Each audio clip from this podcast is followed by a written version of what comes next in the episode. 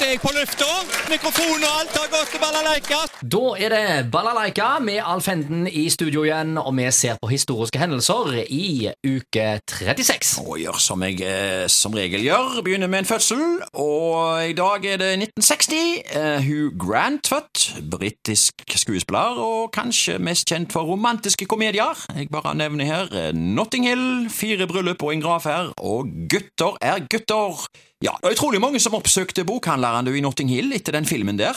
Eh, Når du er inne i Notting Hill, så går du innom og sjekker der, eh, har jeg hørt. Turister. Notting Hill ble berømte etter denne filmen. Jo, det er absolutt. 1977 ble Bernt Hulsker født, eh, fotballspiller i klubbene Molde, Vålerengen, AIK og Start. Og med Vålerengen så ble han ligamester i 2005 sammen med Christian Grindheim og Steffen Iversen, altså to ekte Hauga-gutter her, som òg Vålerengen hadde stor glede av. ja.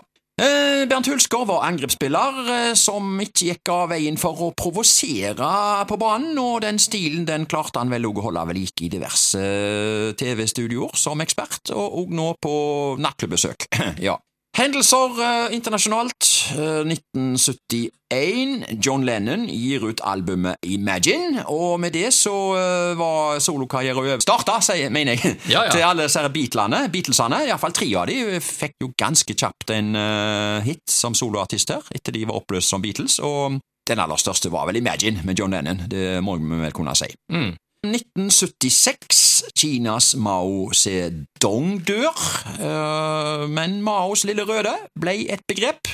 Det husker jeg alle snakket om på 80-tallet. Maos lille røde, den har du vel, ble det sagt. Det var vel et slags uttrykk som gikk i fagforeningene. Ja, nettopp. Ja. ja, så ser vi på kino i uke 36. 1965. På festiviteten gikk filmen Invit til Revolvermann.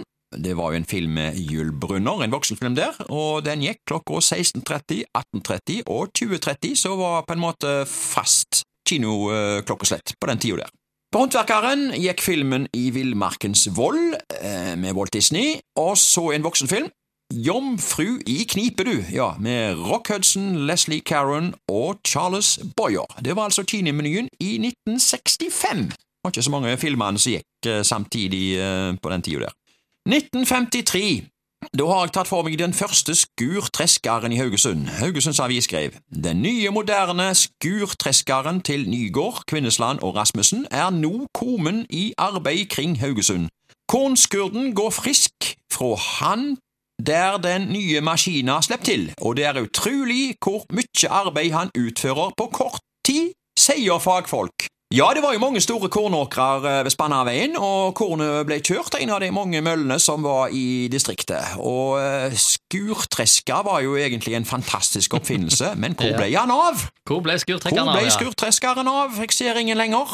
Nei. Nei, det Vi må vel eh, Vi må vel inn i et eller annet, en eller annen garasje for å finne noen, eller på en eh, eller, Ja, altså eh, festivaler? Ja, festivaler, ja. Ja, da eh, er det mye å se. ja. ja. Men han er vel nok vekke.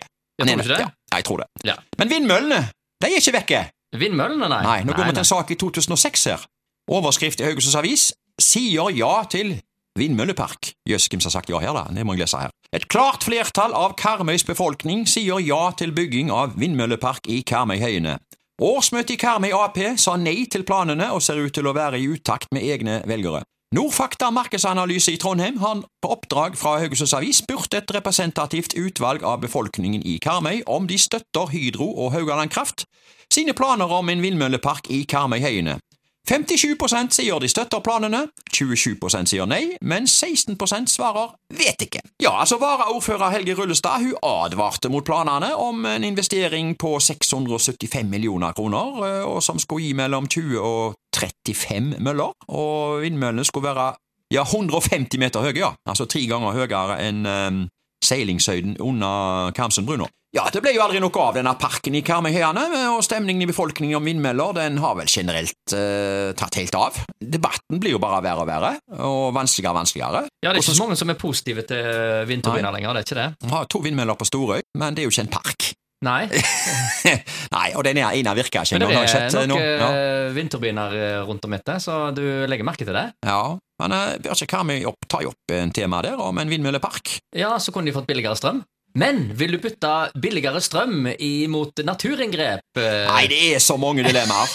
Jeg må jo si jeg så synd på regjeringen, eh, Støre og co., altså. Eh, Ja, de det, har men- så mye å ta fatt i her, og tap, tap, kan Det er bare tap-tap-saker de har. Ja, altså, Ja. eh, Det norske folk kan jo ikke bestemme seg heller. fordi at eh, Hvis du, hvis du går eh, 15 år tilbake inn i tid, så var alle kjempepositive for vi skulle produsere mer fornybar kraft med vindturbiner og positive vind bokstavelig talt eh, over landet. Ja, Men så endra ja. jo dette seg, og nå er det liksom snudd 180 grader. Ja, er som jeg sier her, eh, Dette var altså 2006, da, denne her eh, saken her, og 57 eh, svarte altså at de støtta planene om vindmøllepark i Karmøy. I dag så hadde det vel kanskje vært eh, 10% Ja, jeg vet ikke jeg, altså. Den der Vetike-gruppa, ja, apropos Vetike, Ja. den, den er alltid høy, er den ikke det? Vet ikke. Ja, det er mange som ikke bryr seg om å sette seg inn i sakene, vet du. Men da er det egentlig bare én ting å spørre om. Ja. Vindturbiner i Karmøyhøyene! Jeg er vet ikke-gruppen. Ja, men ja, så da må det bli not. Det er not. Ja.